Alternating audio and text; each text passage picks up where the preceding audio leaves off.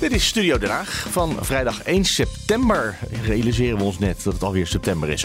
Uh, in de studio in Amsterdam zit Leendert Beekman. In de studio in Den Haag Mats Akkerman. Ik ben Mark Beekhuis, ook in uh, Amsterdam trouwens.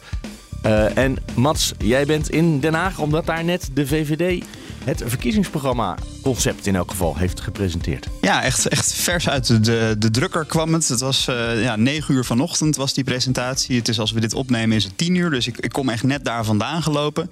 Uh, het is een programma van uh, bijna 80 pagina's. Het heeft de titel ruimte geven en grenzen stellen. dus ja, lekker in de algemeenheden zoals die programma's vaak zulke titels dragen. En dat, ja, dat is net aangeboden door staatssecretaris Christophe van der Maat. Die, is die schreef het. En de partijvoorzitter Erik En dat werd dan overhandigd aan, aan lijsttrekker Dylan Jessegus. En wat zijn de trefwoorden die jullie zo, uh, misschien Leendert, je hebt net het hele stuk gelezen, terwijl uh, Mats aan het, uh, aan het interview was. Even een disclaimer, we ja. hebben er doorheen gescand. Het is echt net gepubliceerd, dus ja, ik heb heel even gekeken wat wordt er gezegd over stikstof, uiteraard over migratie en asiel. Nog een klein beetje uh, bestaanszekerheid, maar we hebben het absoluut nog niet helemaal door kunnen nemen. Maar nee, speerpunten maar hebben wat, we wel. Wat we wel kunnen bekijken is de inhoudsopgave. En die zegt ook al heel veel. Hè? Behalve het titelblad, waar we Mats net de titel van voorgelezen heeft. Ja, het begint met grip op een veranderende wereld. En, en dan gaat het eerste, migratie. Ja, het eerste, eerste onderwerp is, is migratie. Ja, ja dat de, is een hele VVD, duidelijke keuze natuurlijk. Ja, de VVD wil grip op migratie. Dat is waar ze de regering over hebben laten vallen uiteindelijk. Dus dat is ook niet zo gek dat ze denken dat dat het belangrijkste onderwerp is voor Nederland. Zou Nederland het daarmee eens zijn? Nou ja, ik heb er vanmorgen iets op de radio over gezegd. Dat ging in, uh, in het kader van uh, wat wordt nou een verkiezingsthema? En D66 zei ik wil het graag over klimaat hebben, maar ik ben toch... Ik denk toch dat veel Nederlanders, zei ik, dat zij het nu willen hebben over bestaanszekerheid. Waarop ik gelijk een fan op Twitter uh, mij uh, uh, een berichtje stuurde dat het een kul argument was om dat tegenover elkaar te zetten. Maar ik denk dat het de komende dagen toch wel over bestaanszekerheid zal gaan. Ook omdat het nu groot speelt rondom de begroting. Maar ja, de VVD wil het hebben over grip op migratie. En het is vanaf begin af aan duidelijk dat dat voor hen een speerpunt is bij deze verkiezingen. Dus kijken of dat ook een, uh, het verkiezingsthema gaat worden. Ik kan het niet van voorspellen van tevoren. Ja, okay. Maar ik haal er nog wel echt twee duidelijk uit ook zelf. Want bestaanszekerheid noemde Dylan Jessicus bij de presentatie net ook wel heel duidelijk. Uh, ze sprak zelf over uh, waar ik niet echt niet tegen kan... is mensen die werken en nog steeds niet kunnen rondkomen. Dus hè, specifiek werkende mensen die nog steeds betalingsproblemen hebben. Dat wil ze, die wil ze helpen. en klimaat zit er toch ook wel in. Want in de, in de inhoudsopgave staat één keer schone economie... en één keer schone toekomst... Uh, en daarmee wordt ook wel duidelijk toch wel gehint op het klimaat. Dat dat ook wel in dit programma aanwezig gaat zijn. Ik ga het je vertellen. Ik heb net even gezocht. Uh, het woord klimaat komt een 43 keer voor. Er zullen vast ook een paar keer het woord investeringsklimaat of vestigingsklimaat of zo in zitten. Maar er gaat heel veel over energie. Dat trouwens ook. de energie komt 58 keer voor in het verkiezingsprogramma. Dus dat zijn wel thema's die vaak terugkomen op allerlei plekken. tegelijkertijd Schiphol moet wel kunnen groeien. We gaan natuurlijk gewoon door met kerncentrales als het aan de VVD ligt. Eigenlijk valt mij vooral op dat ze het hebben over trots. We moeten trots kunnen zijn op Nederland weer. Trots op Schiphol en uh, trots op allerlei dingen. En optimisme is een kernwoord. Ja, dat horen we meer. Het optimisme moet terugkomen. Ook het optimisme van Nederlanders over hun eigen land. En dat hoor je niet alleen bij de VVD. Um, we moeten weer trots zijn op een land waarin het grosso modo goed gaat. En dat hoor je de VVD ook constant vertellen. Uh, toen premier Rutte aantrad in 2010, dat staat ook in het verkiezingsprogramma, ging het economisch slecht. Ja, en de kabinetten Rutte hebben er toch voor gezorgd dat we nu in een welvarend land leven met een uh, economie die elk jaar een klein plusje erbij krijgt en weinig werkeloosheid. Dus het bekende VVD-verhaal horen we daar toch wel. Ja, ik zou toch denken als het belangrijkste thema of een van de belangrijkste thema's is na twaalf jaar in de regering aan de gewoon de regering geleid te hebben. Ja, maar we moeten wel weer trots kunnen worden op Nederland. Dan heb je toch de afgelopen twaalf jaar iets verkeerd gedaan. Dat was mijn gevoel. Ja, het heeft natuurlijk ook met de toeslagenaffaire te maken en het uh, wantrouwen richting overheid en uh, de politiek. En alle crisis die we hebben, waarvoor niet het kabinet in alle opzichten verantwoordelijk is. Hè, neem de oorlog in Oekraïne. En de gevolgen daarvan op het gebied van uh, energiearmoede en daardoor ook uh, inflatie. Uh, maar dat zijn toch geen dingen waardoor je niet meer trots bent op Nederland? De, de, de oorlog in, in Rusland of in Oekraïne door Rusland is juist iets waar ja, we misschien misschien pessimisme in de samenleving. Ik denk dat, zijn dat ze daar Nederland het willen. Afijn. Um, Mats, jij hebt net met uh, Dylan Jezilkes gesproken. Je was ook met haar even in de uitzending uh, bij Bas van Werven. Hoe was dat? Ja, um, nou ja, als, ik even de, sfeer mag schetsen. Ze oogden erg ontspannen. En nou ja, zoals dat dan gaat, je staat er met allemaal journalisten. Je vormt een soort treintje. En uh, ik moest half tien in de uitzending. Dus dat had ik dan al afgesproken dat ik om half tien zou zijn. Dus ik had al een paar keer uh, ja, naar haar verhaal kunnen luisteren, zeg maar. Dus ik was ook wel een beetje voorbereid op, uh, op wat ze ging zeggen. Ja, echt de diepte ging het natuurlijk nog niet in. het is 80 pagina's. en ze probeerde toch een beetje in algemeenheden de, de, de koers aan te geven. maar ik vond voor een, eerste presentatie oogde ze in ieder geval erg ontspannen. Wat is de hoofdboodschap van dit programma? Goedemorgen uh, en dank daarvoor. Um, nou, voor mij, als ik direct naar de hoofdboodschap ga, staan uh, twee dingen denk ik wel echt voorop. Aan de ene kant, uh, we zien dat heel veel mensen heel hard werken en nauwelijks rond kunnen komen. Dat is niet te accepteren in ons land. Dat zal ik ook niet accepteren. Er staan heel veel maatregelen in ons verkiezingsprogramma die daar verandering in willen brengen. Uh, en als tweede punt, uh, ja, ik zal alles op alles blijven zetten om ervoor te zorgen dat we allemaal in veiligheid kunnen leven. En ook daar hebben we heel veel concrete voorstellen voor staan. En als ik lees grenzen stellen, dan moet ik gelijk denken aan migratie. Dat is ook niet toevallig het eerste hoofdstuk van het programma, denk ik. Het is ook een belangrijk onderdeel, inderdaad. Kijk, ik heb steeds vaker het gevoel dat uh, de, de zuurstof uit onze samenleving verdwijnt. en dat heeft te maken met dat we bijna verstikken in regels. dat we bijna soms stikken in elkaar. Dat we zo met elkaar bezig zijn. Er moet echt meer ademruimte komen. En dat betekent ook grenzen kunnen stellen. Dat betekent ook grenzen aan inderdaad wie we ons land binnenlaten. Maar ook grenzen aan vervuiling. Grenzen aan wat we met elkaar uh, acceptabel vinden. Wat we van elkaar accepteren in Nederland. Dus dat zijn hele duidelijke keuzes die we in het programma hebben. En zeker ook op asiel. Had het dan niet beter kunnen heten grenzen dicht? Uh, nee, want het, is, gaat niet over alle grenzen potdicht. Uh, overigens is, uh, zijn de grenzen die hoe wij ze hebben ingericht ontzettend belangrijk voor Nederland om ervoor te zorgen dat we ook een welvarend land blijven voor onze ondernemers. Dus grenzen dicht is, is niet mijn tekst. Ehm, en wat ik graag wil is dat we in ons land plek blijven houden voor echte vluchtelingen. Maar dat we de instroom beperken en dat we er ook voor zorgen dat mensen die geen echte vluchteling zijn, die hier dus in die zin niks te zoeken hebben, dat die sneller weer teruggaan naar land van herkomst. Dat betekent hele duidelijke maatregelen om de instroom te beperken. Uh, en dat betekent ook vervolgens duidelijke maatregelen om ervoor te zorgen dat de mensen die hier mogen blijven ook snel kunnen integreren en participeren in de Nederlandse samenleving. Ik vind het interessant dat ze dus niet zelf begint waar haar verkiezingsprogramma wel begint met migratie. Dat zit er uiteindelijk komt dat natuurlijk wel aan het orde, Mats. Maar zij begint toch eerst even met uh, mensen moeten gewoon uh, kunnen leven. Ja, nou ja, en daarin zie je dus dat bestaanszekerheid ook voor de VVD een belangrijk thema wordt. Of misschien uh, ja, hebben ze de bui voelen hangen dat andere partijen heel erg proberen op dit thema in te zetten. En probeert ze hiermee toch een beetje vliegen af te vangen door te zeggen: Nou, kijk, kijk naar ons. Wij uh, zijn ook niet uh, doof voor de geluiden in de samenleving die er leven en de zorgen. En ook wij gaan met dit thema aan de slag. Dat ja. lijkt me een hele bewuste keuze om dat er zo even in te gooien. Voorkomen van afvangen van vliegen, dat zit er misschien ook wel in andere plekken met bijvoorbeeld een hoofdstukje over alle regio's doen mee. Denk ik, oh ja, ze zien natuurlijk dat omzicht vooraan gaat in de peilingen. Daar moeten we iets mee. Snel ja. even opschrijven. Ja, uh, en dat is eigenlijk ook wel logisch. Wat mij wel opviel in het verhaal van Jezilkus is dat ze zegt in eerste instantie hè, dat regels ons verstikken. En dat er weer ruimte moet komen in Nederland. Ja. Om vervolgens te zeggen dat we een strenger asielbeleid moeten hebben. En dat lijkt mij toch, hè, op het moment dat je die grip op migratie wil krijgen dan zou je regels moeten, de regelgeving moeten aanpassen. En uh, dat zie je ook terugkomen in het verkiezingsprogramma. Dus het vond ik een beetje tegenstrijdig, eerlijk gezegd. Ja, of niet. Want je kan ook zeggen dat uh, ze, willen vaak heel veel maatregelen nemen om migratie aan te pakken. Maar ze worden elke keer door de rechter teruggefloten. Dus de regelgeving zit ze soms ook in de weg. Ja, als je die regels dan daarvan af kan, dan helpt het je natuurlijk wel. Laten we nog heel even door de rest van de inhoudsopgave heen uh, scrollen. Daar staan allemaal fijne dingen. De VVD wil het beste onderwijs, uh, de slimste en de schoonste economie ter wereld en een beter Nederland. Daar willen ze aan werken. Dat hoeven we niet per se te bereiken in de komende vier jaar. Dat is op zich al geruststellend. En ze willen doorrijden, schoon vliegen en geweldig openbaar vervoer. Dat, dat laatste, dat voelt helemaal niet VVD. Geweldig openbaar vervoer. Dat is toch niet iets, VVD is toch uh, auto's, auto's, Ja, auto's. maar het is allemaal. Het is en, en, en. En Ja. we gaan schoon Oh, ja, vliegen. er is ook nog een hoofdstukje waarin ze zeggen dat ze keuzes moeten gaan maken. Ja. Want er is schaarste van alles en niet alles kan tegelijkertijd. ja. Dat klinkt als een stikstofrapport wat uitgekomen is. ja, precies.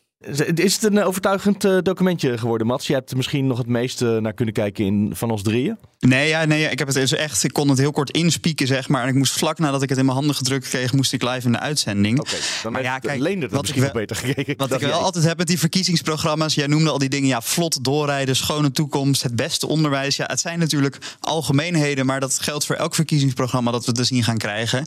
Eh, er zal nooit in staan. eh, wij pleiten voor slecht onderwijs, kapotte wegen en meer klimaatverandering. Nee, Dus, maar het, het is ja. wel goed dat je dit zegt, want we hadden het vorige week natuurlijk over het rapport eh, van eh, of het rapport de uitgangspunten van Omtzigt van eh, zijn partij. En toen, eh, aan de ene kant vond ik het wel eens fijn om wat eh, uitgangspunten te lezen in plaats van meteen in maatregelen te verzanden.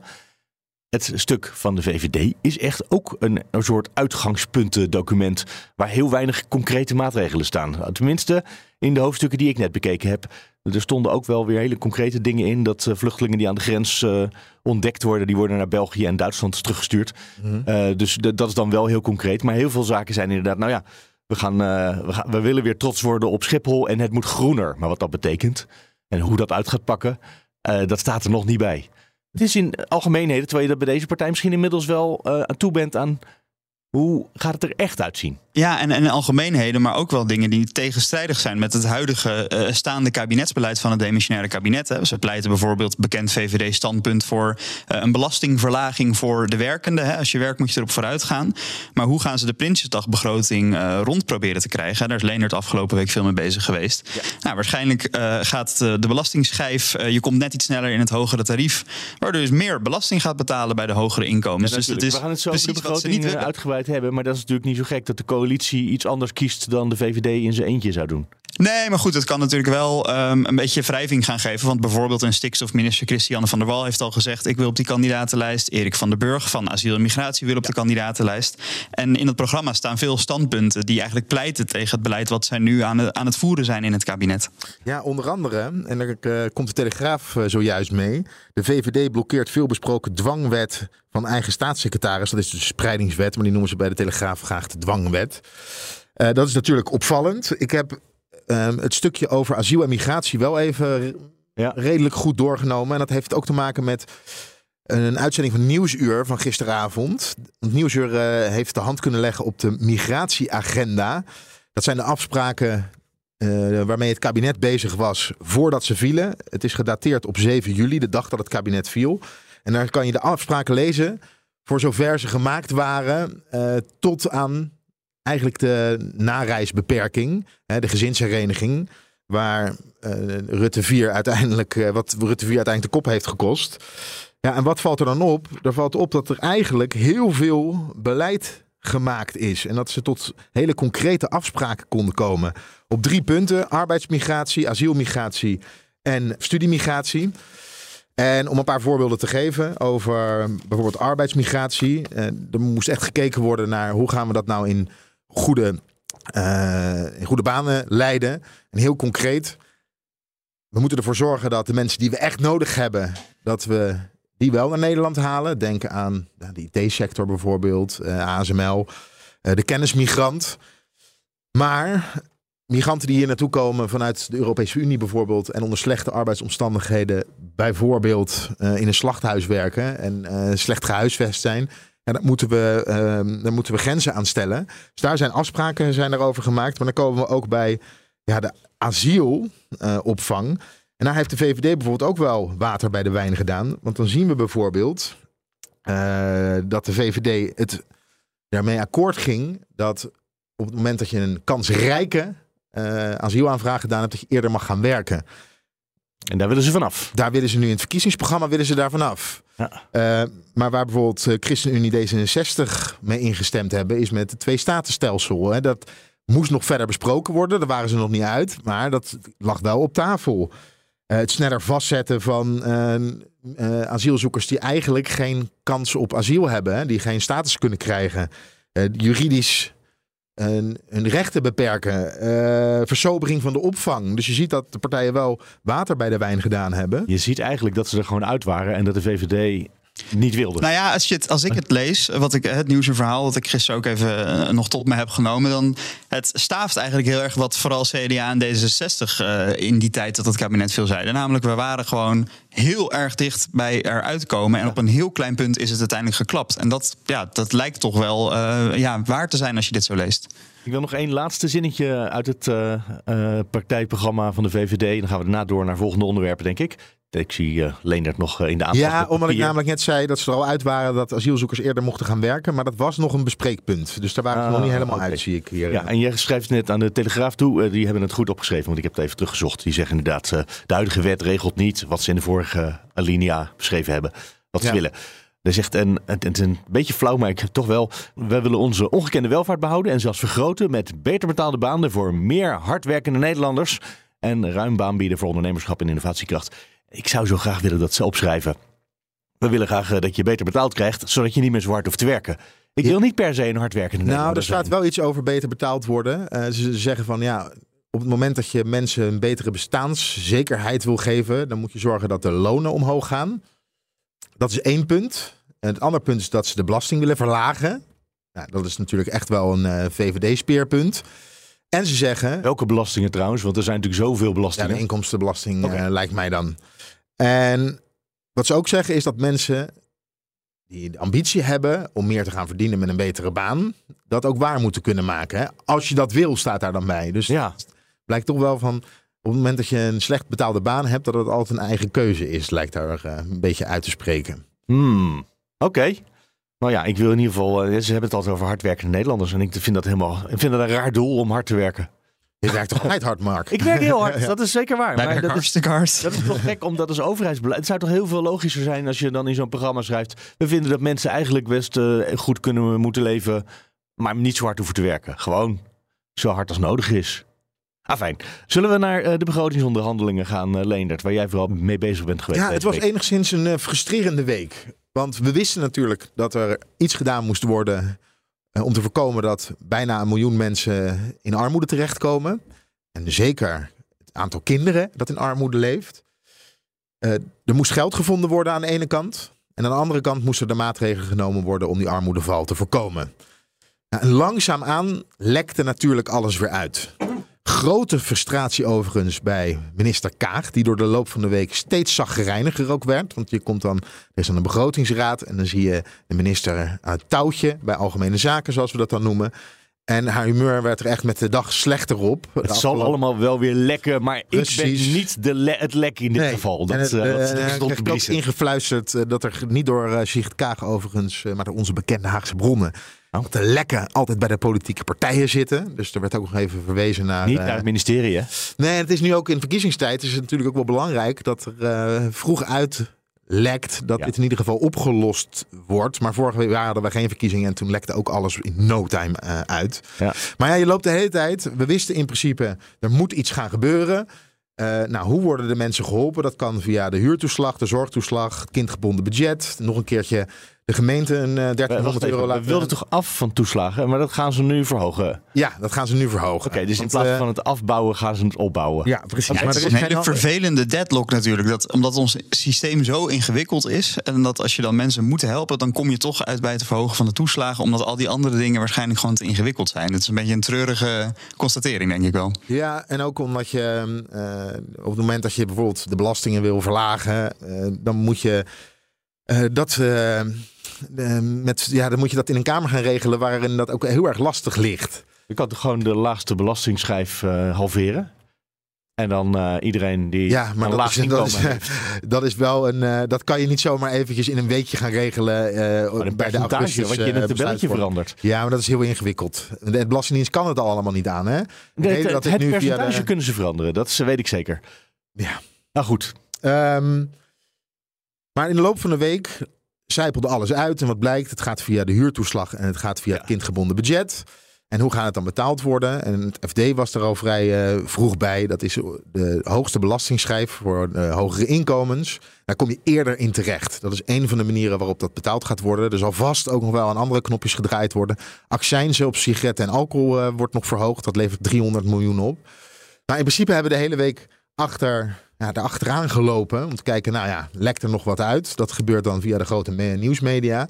En elke keer lekt er een volgend stukje uit. En dan kan je weer iets nieuws gaan vertellen. En dan ga je dat bevestigd krijgen. En dan kan je weer iets nieuws vertellen op de radio.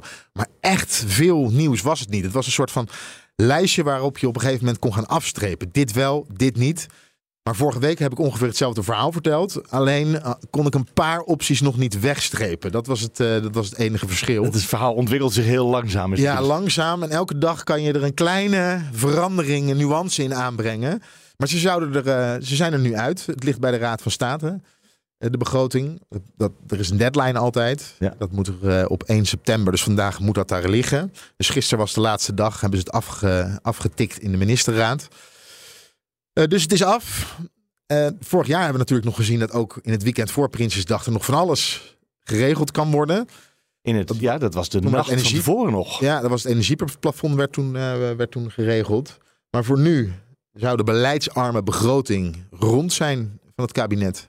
En wat ik interessant vond om te merken was dat alle journalisten dezelfde vraag oppakten. Niet de vraag van uh, is dit nu een oplossing voor de problemen die we hebben? He, want er dreigt armoede. We hebben nu een paar maatregelen bedacht. Passen die op elkaar? Die heb ik eigenlijk bijna nergens gesteld zien worden.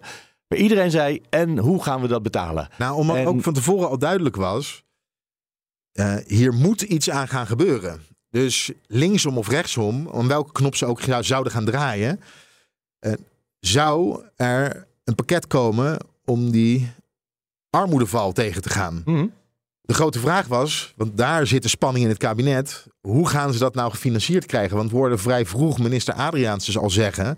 Ja, de, de, het moet niet bij het bedrijfs, de rekening moet niet bij het bedrijfsleven uh, terechtkomen, hè, bij de ondernemer. Ja. Dus er was wel wat spanning over de dekking binnen de coalitie. En dat was eigenlijk veel spannender dan ja, hoe gaat het verder uitgewerkt worden en hoe gaan ze dat geld bij de mensen terecht krijgen. Maar eigenlijk voor de mensen in het land ik maakte de, de, de dekking in eerste instantie niet zoveel uit. Die moeten gewoon weten dat die maatregelen kloppen. Ja, maar wij vallen niet onder de groep uh, ja, die, waarvoor het belangrijk is. Maar zij wisten in principe al, uh, vanaf het moment dat het kabinet viel, dat hier iets mee ging gebeuren. En um, dus ja, de spanning zat toch wel op hoe gaat het gedekt worden? En Ja. om, om hoeveel geld gaat het nou? Nou, het ging uiteindelijk om 2 miljard. Ja, toch een serieus bedrag. Ja. Mats, nog iets, want je zit op afstand en ben je altijd een beetje op achterstand eh, in zo'n eh, eh, groepsdiscussie. Nog iets toe te voegen? Ja, nee, ik, ik, ik luister aandachtig mee eh, met Leonard. Want ik eh, ben maandag weer begonnen met werken. Dus ik ben ook een beetje weer mezelf aan het bijlezen en zo. Dus ik, eh, ik zit gewoon heerlijk eh, even te, eh, me bij te laten praten. Dat doen jullie hartstikke goed. Mooi, dankjewel. Ehm, eh, als je ook complimenten wil geven, uh, beekhuis.bnr.nl. Ja, jullie hebben trouwens niet zoveel gemist. Want hoe het dan achter de, achter de schermen gaat. Het lekker gaat dus vanuit de politieke partijen. Maar je staat er dan op het ministerie na uitloop van de ministerraad. Elke keer dezelfde vraag te stellen. Hè, zijn jullie eruit? Hoe gaan jullie het doen? En elke keer hetzelfde antwoord. Het, Ik kan daar helaas geen uitspraak we over gaan er geen uitspraken. Ja, het is dan gelukt op het, eh, op het laatst. Maar we kunnen er geen uitspraken over doen. U ziet het Oké. wel op Prinsjesdag. Goed, eh, de, de VVD wilde, hadden we net al als conclusie, meer trots en meer vrolijkheid in het land. Ehm, maar... Is bij D66 overigens ook. Oh, ik denk dat alle partijen eigenlijk meer vrolijkheid in het land willen. Ehm, maar de VVD schrijft het allemaal eh, op in het verkiezingsprogramma. Maar dat is het bruggetje wat ik daarmee wilde maken, gaat eh, richting Hoekstra. Wat een chagrijn heeft de VVD-premier veroorzaakt deze week, hè? Ja, het is allemaal heel gek gegaan. Vorige week donderdag werd ineens bekend dat Hoekstra een nieuwe eurocommissaris namens Nederland gaat worden. Hij krijgt een deel van, het, van de portefeuille van eh, Timmermans, klimaat. Eh, maar ja, de, de procedure, hoe dat gegaan is. De vraag is ook, ja, hoe werkt dat nou eigenlijk? Nou ja, dat kan dus de premier gewoon zelf beslissen. Want ja, ik word echt in de premier kan dat kiezen als die de ruimte krijgt van zijn collega's in het kabinet en van het parlement. Ja, en in eerste instantie zou ja, toch echt Kaag op weg zijn richting Brussel. Maar dat is, het is Hoekstra geworden. Ja, en daar is eh, ook een hoop zagrijn eh, is daarover. Over de procedure, zowel als over de man en zijn rol. Hè? Want eh, hij is, eh, er is op het ogenblik een petitie om te voorkomen dat hij eurocommissaris zal worden. Ik weet niet hoe succesvol het kan zijn, maar die is wel door, ik geloof, 40.000 man inmiddels ondertekend. Dus ook, ook in het land is er chagrijn over hem. En Binnen zijn eigen partij? Uh, ja, in zijn eigen partij. in, dat, in de tekst van, dat, van, die, van die petitie staat ook... dit is de man die bij Shell vandaan komt... en het is de man die met miljarden KLM overeind gehouden heeft... Is dit de man die het klimaat gaat redden? Ja, maar stel je nou voor dat Kaag het was geworden. Dan hadden we gehoord, ja, de minister die nu verantwoordelijk is in Nederland om ervoor te zorgen dat mensen niet in armoede terechtkomen, een begroting moet gaan afleveren. Het hoeft niet een minister eigenlijk... te zijn. Je kan ook iemand anders sturen. Ja, uh, Diederik Samson had het kunnen zijn, maar die, ik begreep uit de reconstructie van de Volkskrant dat hij vrij snel is afgevallen, omdat hij eigenlijk niet door één deur kan met uh, Van der Leyen. Ja, oké. En omdat hij B van de A is. Ja. Ja, maar dat eerste is natuurlijk wel echt ook een inhoudelijk argument. Dat, dat je met de, de, de, de voorman, de voorvrouw in dit geval, uh, moet kunnen samenwerken. Uh, gaat dit nog goed aflopen of wordt iedereen gewoon een heel jaar lang uh, chagrijnig en komen er dan verkiezingen en krijgen we een nieuwe eurocommissaris? Ja, dit gaat voor uh, Hoekstra wel goed aflopen. ik denk dat hij het gewoon gaat worden. Ja? Ja. Dat... Nou, en hij is er zelf van overtuigd, want hij heeft een half uur geleden heeft hij zijn, zijn ontslag aangeboden bij de koning. Dus hij, denk, hij denkt dat hij er zelf in ieder geval van overtuigd is dat hij hoe dan ook die baan krijgt. Ja, het Europees Parlement mag het toch blokkeren? En dat gebeurt ook wel eens. Nou, maar ze zullen er wel zeker van zijn dat dat niet gaat gebeuren. Oké, nou, dan, uh, dan houden we het chagrijn nog even vol als samenleving. dit is wel iets waar iedereen behalve Hoekstra en Rutte tegen is, als ik het goed begrijp. Um, Maar van, het CDA-chagrijn, dat snap ik nog wel het meest natuurlijk. Hij heeft, hij als CDA-leider heeft hij uh, alleen maar verkiezingen verloren. Hij is eigenlijk nooit die belofte geworden die hij aan het begin was. Um, en dan word je aan het eind van je carrière ja, toch weggepromoveerd, zoals dat wel gezien wordt. Ja, ik denk dat dat voor zo'n zo'n kerstverse lijsttrekker als Henry Bontebal ook niet heel erg lekker uitkwam. Ik zag wel een soort geforceerde felicitatie op Twitter nog. Ja, dat, dat hoort er dan ook een beetje bij. Maar die zou ook gedacht hebben, jeetje, Wopke, moet dit nou weer? Uh, ik ben net begonnen en ik krijg meteen zoiets weer op mijn bord. Um, we moeten het hebben over Schiphol, denk ik. Er was vanmorgen nog wat nieuws over Schiphol. Uh, Leendert, ja. jij. Ja, uh, wat blijkt. De, de, de nachtvluchten uh, en privéjets zouden geweerd gaan worden van Schiphol. Hè. Daar zou uh, ook een krim plaatsvinden. Dat gaat niet gebeuren. En aan de andere kant is er een brief vanuit Amerika richting Nederland gekomen. Dat als Schiphol gaat, een brief dat als Nederland uh, gaat, Schiphol gaat krimpen. En het aantal slots voor Amerikaanse luchtvaartmaatschappijen uh, ook verlaagd wordt. Dat de, de VS uh, het aantal slots voor Nederlandse luchtvaartmaatschappijen, lees KLM, gaat verlagen in de Verenigde Staten. En het is misschien niet. Ik hoorde Joris Melkert vanmorgen bij ons op de radio, hè, de luchtvaartdeskundige van de TU Delft vertellen dat het ook nog vanuit andere landen zou kunnen gaan gebeuren. Dus vandaag wordt daar in de ministerraad over gesproken. En het zou zo zijn dat die krimp, want we zouden naar 440.000 uh, vliegbewegingen zouden we gaan, dat die krimp nu uh, toch, ja. Sorry, ik deed even een vliegbeweging. Ja. ja, dat die krimp toch beperkt gaat blijven tot. 452.000. 452.000, ja. Um, ja, dat is. Dat is wel minder dan het is. Maar uh, niet zoveel minder als de bedoeling was. Nee, we zouden gaan eerst terug naar uh, eh, 460. Ja. En dan zouden we naar 440 gaan. Dus ja, en nu zijn er gaat toch iets gebeuren. En de vraag is een beetje of het nou onder druk van de Amerikanen gebeurt. Of uh, omdat bijvoorbeeld de Europese Unie, daar moet je dan kunnen aantonen als je wil krimpen. Dat er echt geen andere mogelijkheid meer is dan krimp. En dat heeft hier te maken met geluidsoverlast. Ja. Uh, misschien dat Nederland daar uh, ja, de argumentatie niet op orde heeft en de krimp eigenlijk niet mogelijk is. Maar dat moeten we allemaal nog gaan horen. Dat, ja, plus uh, natuurlijk de gezondheidseffecten van niet alleen geluid, maar ook al die uh, dampen en andere fijne stoffen ja, die over, het gaat nu over steden over, worden uitgesmeerd. Ja, maar dit ging echt vooral over geluidsoverlast. Ja, en daarom dus, zou die tweede kaagbaan ook niet komen. Dus misschien moet MOB gewoon een rechtszaak over het geluid beginnen. Die zijn al heel handig, heel handig en die winnen ze vaak. Ja. Um, maar goed, dat is toch interessant, die wending. Dat in ieder geval het beleid wat minder uh, scherp wordt dan gedacht. En waarschijnlijk onder druk, misschien onder druk van de Verenigde Staten die een uh, boze brief gestuurd hebben. Dat is, ja, en, uh, en, en die bovendien heel trots, ga het niet controversieel verklaren. Ga hiermee door. Uh, laat dit niet liggen. Is, is dat niet heel gek dat een ander land tegen Nederland zegt: uh, doe dat eens even niet? Ja, ik heb de hele brief niet gelezen. Maar, nee, maar ik... dat is toch ongebruikelijk dat wij tegen België zouden zeggen: jullie havenbeleid blijft daar eens even vanaf? Mm. Ja, het is een soort lobby, denk ik, vanuit het Ja. buitenland gewoon. En wel interessant, want het is dus meteen iets wat op het bord komt van uh, Liesje Schrijnemacher, die uh, voorlopig in ieder geval uh, Hoekstra gaat overnemen als minister van Buitenlandse Zaken. Uh, dus ja, ik denk dat zij hier wel mee aan de slag kan. Of in ieder geval eventjes een belletje moet doen naar, naar Washington. Van goh, hoe zit dit? Oké. Okay. Um, laten we naar het laatste onderwerp van deze podcast gaan.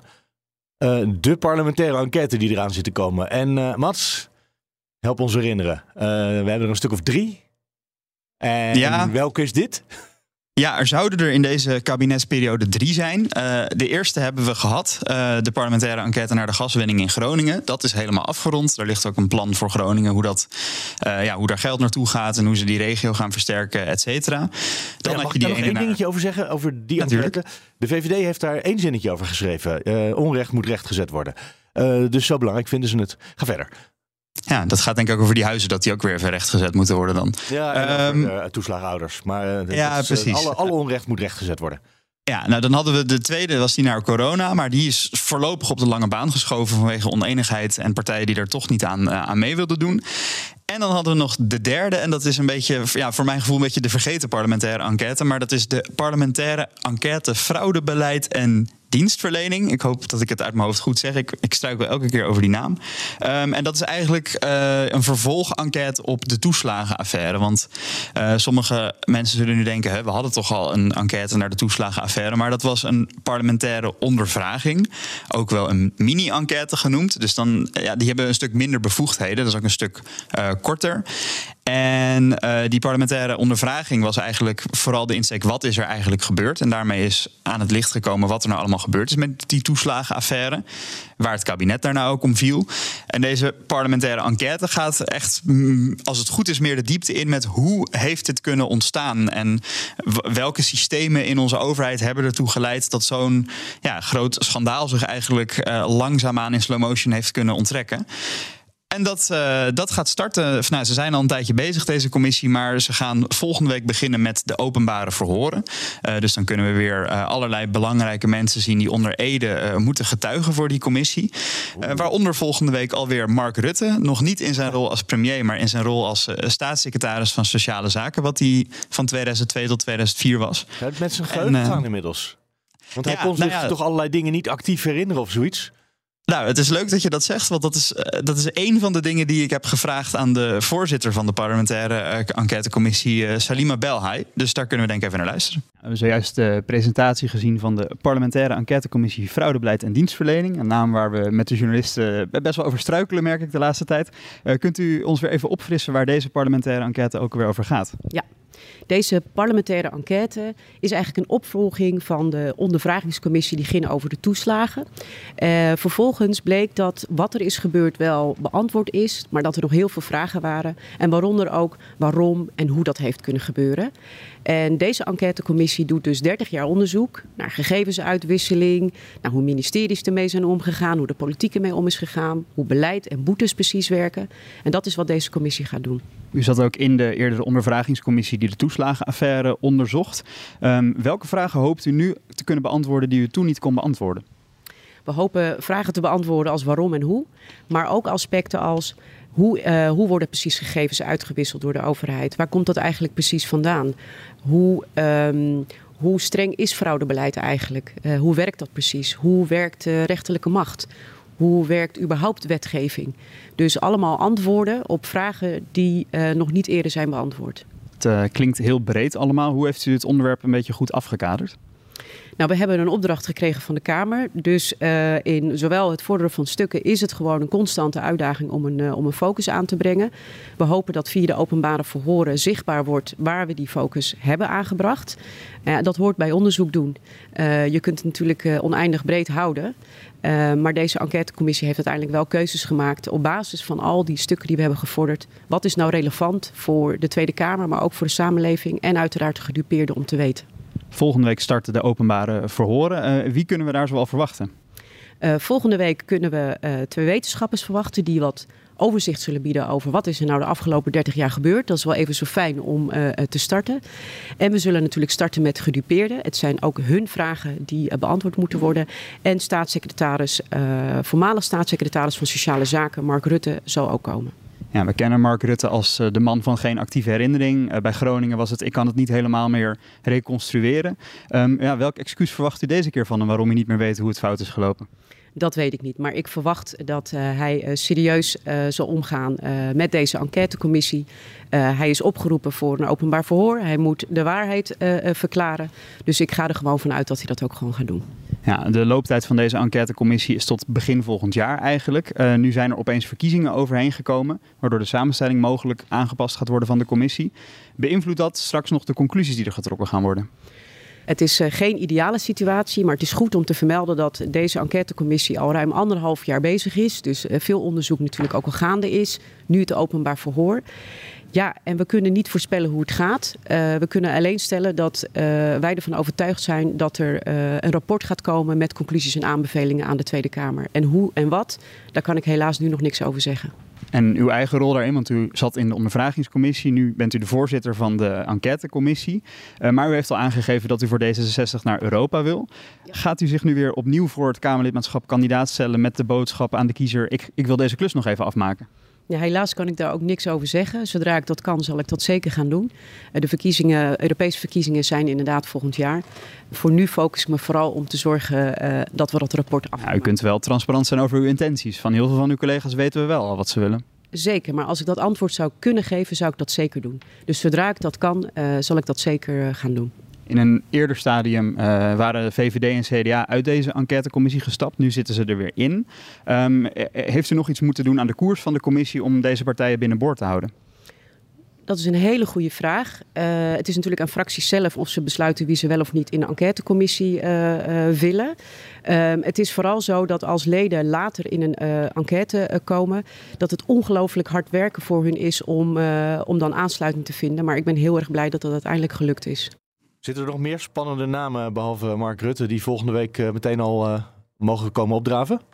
Nou, um, ze gaan het per week bekendmaken. Dat was vorige keer volgens mij ook zo. Dus we weten ja. alleen de eerste week. En daar um, weten we dus alleen Mark Rutte. Het is wel al bekendgemaakt dat Mark Rutte hoe dan ook terugkomt. Uh, als premier Mark Rutte. Dus Rutte gaat twee keer gehoord worden. Um, ja, en verder andere ministers en staatssecretarissen is wel als, al gezegd, maar nog niet wie. Um, ik zat zelf nog te denken, had ik eigenlijk moeten vragen... krijgen we dan ook Jan-Peter Balkenende? Want ze gaan volgens mij 30 jaar terug in de tijd. En ja, als je dan premier Rutte doet, dan lijkt me premier Balkenende... lijkt me ook een hele logische. Uh, maar ja, het zullen veel um, ja, oud-ministers en staatssecretarissen zijn. En dan is het, het interessantste altijd als het mensen zijn... die nu nog op een of andere manier politiek actief zijn... Uh, wat we vorige keer uh, zagen bij Lodewijk Asscher, die uh, daardoor als PvdA-leider moest opstappen. Omdat hij ja, toch bij die toeslagenaffaire bleek dat hij niet ingegrepen had. Ja, hij vond dat hij dat moest doen. Dat is interessant. Uiteindelijk is de regering ook wel afgetreden erover. Maar in eerste instantie was hij de enige die vond dat hij daarvoor moest optreden. Ja, nou ja, vond, vond, hij dat zelf of vond hij dat nadat er 30 PvdA'ers messen in zijn rug hadden gestoken? Dat is dan altijd ja, de vraag die je bij de PvdA moet stellen. Maar toen, toen vond hij het wel echt, ja. ja. Je kijkt alsof je nee, nee, alleen nee, nee, ja, nou ja, nee, die, goed, dat heeft niks met dit onderwerp te maken. Maar ik ben ondertussen ook nog een beetje door het verkiezingsprogramma van de VVD uh, aan het scrollen.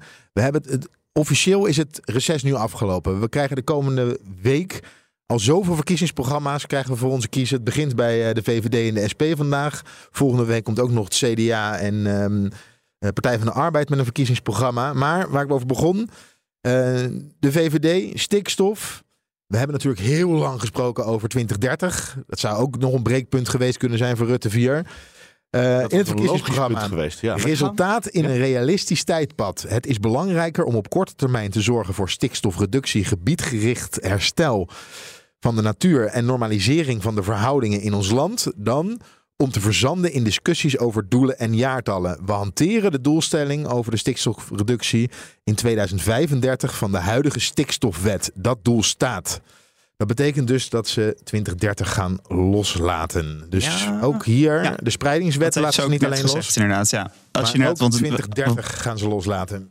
Ja, nee, want we begonnen inderdaad over het verkiezingsprogramma met hè, het is toch een beetje vaag in algemeenheden, maar het zijn inderdaad twee concrete dingen die ze net ook uh, expliciet heeft gezegd in de interviews die ze deed. Spreidingswet is VVD niet voor en we gaan lekker gewoon op 2035 en niet meer op 2030. Dus uh, ja, en Christiane van der Wal en Erik van den Burg, de twee personen die hierover gaan, willen ook op de kandidatenlijst. Dus die, ja, die zijn hier ongetwijfeld van op de hoogte gesteld en uh, hiermee akkoord dat, dat hun plannen daarvoor in de prullenbak kunnen. Ik ben heel benieuwd, Mats. Jij gaat van vandaag naar de ministerraad toe. Ik ben in beide gevallen benieuwd hoe ze hier nou naar kijken. Naar het verkiezingsprogramma en hun eigen uh, beleid zoals ze dat nu nog steeds op de rol hebben staan. Want uh, ook de spreidingswet kan nog door de Kamer heen, mocht de Kamer dat willen. Dus ze vragen het ze vooral, zou ik zeggen. Ja, ja. Zeker, overigens, ja. want jullie zeggen, je las net voor, we willen af van, uh, van jaartallen. Al die streefjaartallen vinden we niks. Het jaar 2030 komt wel zes keer voor in het verkiezingsprogramma. Mm -hmm. Onder andere in 2030 hebben wij nul daklozen en 50% recycling. En klimaatdoelen die in 2030 en daarna, oh, okay, dan, daar gaan ze een beetje marchanderen met het jaar. Uiteindelijk, uh, ze, ze, hebben toch wel heel veel dingen die ze in 2030 geregeld willen hebben bij de VVD. Ja. Maar dat ene dus niet, nee, van de stikstof. Ik denk dat ze wat betreft uh, jaartallen en doelen, ook uh, op, op het gebied van asiel, wel wat strikter zijn dan, dan ja, maar ook daklozen. Kijkt. Ja. En nul daklozen, dat is echt een ambitieus plan in ja. Nederland. Want het aantal neemt namelijk elk jaar toe op het ogenblik. Ja. Ik durf misschien wel een voorschot erop te nemen dat dat niet gaat lukken. Zal ik dat gewoon voorspellen nu? Ja. ja ik ben niet zo van de voorspellingen, maar als jij het graag wil, dan mag je. Ja. Maar 2030 is ook nog ver weg. Waarschijnlijk zijn we dat al lang weer vergeten dan. En ik ga vandaag nog iets geks doen trouwens. Want Mats mag naar de ministerraad toe. Ik zou normaal bij de Friday Move zitten, maar dat gebeurt niet omdat ik namelijk naar het partijbureau in de buurt van Deventer ga van BBB, partijkantoor. Want daar wordt namelijk de premierskandidaat wordt daar bekendgemaakt. En weet jij al wie dat is? Nee, maar ik hoor de naam van de Mona Keizer uh, rondzingen. Maar we ja. gaan het wel zien, want ja, bij BBB hebben ze echt, echt een enorme hekel aan lekken. Dus het zou nogal gek zijn als de premierskandidaat uit zou lekken. Het gaat ook niet gebeuren, vermoed ik zo. Dus ik ga het om drie uur zien. Maar ik vind het toch een raar iets dat ik voor Tweede Kamer verkiezingen naar ja. een partij ga. waarvan nog geen verkiezingsprogramma is gepubliceerd. om wel te horen wie de premierskandidaat is. Ja, vind je dat gek? Ja, dat vind ik wel gek. We hebben hier geen uh, minister-president die verkozen wordt. Dus we kunnen degene ja, misschien dat hij ook op de lijst komt. Maar... Ja, nee, nee. Dat is de, de premierskandidaat van BBB komt ook op plek 2 op de lijst. Okay. Um, en als uh, BBB niet de premier gaat leveren, uh, blijft hij of zij in de Kamer. Of nou, wellicht vicepremier zou natuurlijk dan ook nog kunnen. Uh, en ik weet ook dat de premierskandidaat afgelopen zomer heeft meegeschreven aan het programma. dus die is ook wel betrokken geweest bij wat er op papier is gekomen. Dus het is wel echt iemand die daar een vinger in de pap heeft bij BBB. Ja, ik vind het ook niet zo gek dat je zo'n kandidaat wel bekend maakt. Ik bedoel, uh, als je stemt op de VVD, dan weet je dat mevrouw Jezilgus waarschijnlijk een hele belangrijke minister wordt. Hè? Uh, en want het is op het ogenblik de derde partij in de peilingen. Maar goed, we bij BBB met 13%, die zijn helemaal niet zo groot op het ogenblik als we dachten al die tijd. Maar dit lijkt nu bijna belangrijker dan de inhoud. Hè? We, gaan, hè, we hebben het over inhoud of poppetjes. Ja. We gaan eerst het poppetje presenteren. Ja, en daarna... Je kan ook zeggen, ik ga er niet heen. Nou, nou, ik ga deze vinden... vraag natuurlijk wel stellen, maar we... Uh, en dan, doe je, wel, dan doe je wel mee met het circus. En dat moet, misschien moet je ja, dat gewoon niet doen. Ja, ik heb daarover nagedacht. Uh, maar ik ga daar alsnog heen naartoe. okay. Om de kritische vraag te kunnen stellen. Maar het is gek. We, we, hebben het dus eerst over de poppetjes. Ja. En daarna gaan we het pas over de inhoud hebben. Ja, maar dit poppetje heeft dus wel meegeschreven aan de inhoud. Dus daar kun je wel ook naar vragen zo. Ja, dat, uh, dat kan ik zeker doen. Dus dat gaat ook, dat gaat ook wel gebeuren. Maar ik, ik blijf het toch... Voor, ja, het zijn gewoon Tweede Kamer verkiezingen. En we maar dat heeft gevolgen voor de regering die komt. We gaan zo meteen toch ook niet horen wie is onze kandidaat voor een post op buitenlandse zaken. Of misschien ook wel hoor. Of uh, de minister van uh, Landbouw gaan we alvast uh, presenteren voor als wij het worden. ja, dat is in andere landen niet gek dat je een schaduwregering hebt. Ja. En omdat wij zo'n coalitie hebben, is dat altijd een beetje, ja, een beetje flauwekul. Want die, die, het schaduwkabinet komt nooit echt zo één op één over. Maar ja, misschien gaan we er naartoe. Maar jullie vinden het uh, kennelijk niet gek. Maar ik ga toch met een beetje een, uh, met een, een, apart gevoel ga ik daar zo meteen naartoe. Nou, uh, goede reis. Ja, dankjewel. En maak er een mooi verslag van voor, ja, voor wie? Voor maandag denk ik dan. Nee, nee, nee ik mag oh, wel inbreken in Friday, in Friday Move. Ja, wel degelijk. Oké, okay, dus dan gaan we het daar horen. Ja. Mats, heb je nog iets wat je wilt toevoegen aan het eind van deze podcast? Ik wacht eigenlijk op Leendert die nog uh, iets gaat zeggen over de burgemeester van Leiden. Die, uh, die de langzittende van uh, Nederland was. Ja. En uh, gisteren met tranen in zijn ogen afscheid nam. Ja. Jij was genodigd, denk ik toch, Leendert? Nee, ik, ik, was geen genodigd. Ik ben ook niet geweest. Ik ken hem wel goed. Henri Lemfrink. Heb je een vlag uitgehangen? Goeie burger. Nee, ook niet. Ik heb ook geen... waar stop je eigenlijk een vlag in? Hoe heet zo'n ding? Vlaggenmast? Vlaggenstokhouder. Vlags, ja, die heb ik dus niet. ik niet. Dus ik heb hem wel, maar hij zit niet aan de muur van mijn huis. Die moet ik nog opschroeven. Nee, ik heb de vlag niet uitgehangen, maar na twintig jaar. Uh, de langzittende burgemeester van Nederland, ja, Lemfrink, dus. uh, heeft afscheid genomen als burgemeester van Leiden. En verkozen, hè? Hij is ooit wilde D66 de, de, de ja, burgemeestersverkiezingen wilde ze hebben. In Leiden is dat toen gebeurd. Hij is toen met een overweldigende meerderheid is die verkozen. En heeft twintig jaar gezeten. Dus wat dat betreft is dat een, succesvol, een succesvol, ja. succesvolle pilot geweest. En er nu weer verkiezingen? Nee, er is nu een. Uh... Het is zo goed bevallen dat we dat niet meer doen. nee, er is nu een uh, tijdelijke burgemeester. En uh, je kan je nu je kan solliciteren om burgemeester van Leiden te worden. Oh. Ja. Ik weet in ieder geval dat Robert Strijk gaat solliciteren. Oud-wethouder in Leiden, gedeputeerde geweest in Utrecht. En wil eigenlijk zijn hele leven al uh, burgemeester ja, van Leiden worden. Die verhalen gingen inderdaad in mijn studententijd. Toen was hij wethouder studentenzaken. En toen was het verhaal, hij wil eigenlijk burgemeester worden. Maar die Lemvering gaat maar niet weg. Dus toen is hij ondertussen maar een andere snabbel gaan zoeken om de tijd te doden. Maar uh, ja, die schijnt dat heel graag te willen, ja. Nou, tot zover het lokale nieuws. Ja. Terug naar Amsterdam. Uh, dan buitenlands ja. Heb je nog iets leuks voor, uh, voor Leendert op het einde, Leendert? Heb ik nog iets leuks op het einde? Nee. Ja, je hebt altijd iets... Nee, ja, ik moet altijd iets bedenken. Maar ik, nee, dat hoeft niet. Vandaag, uh, vandaag niet. Vandaag niet. Vandaag hebben we gewoon uh, even bespiegeling over burgemeesterschap in, in Leiden. Dan dank ik jullie voor deze week. En, en dank voor het luisteren. Dit was Studio Den Haag. Met Mats Akkerman in Den Haag. Leendert Beekman hier in Amsterdam. En ik ben Mark Beekhuis ook in Amsterdam. Tot volgende week.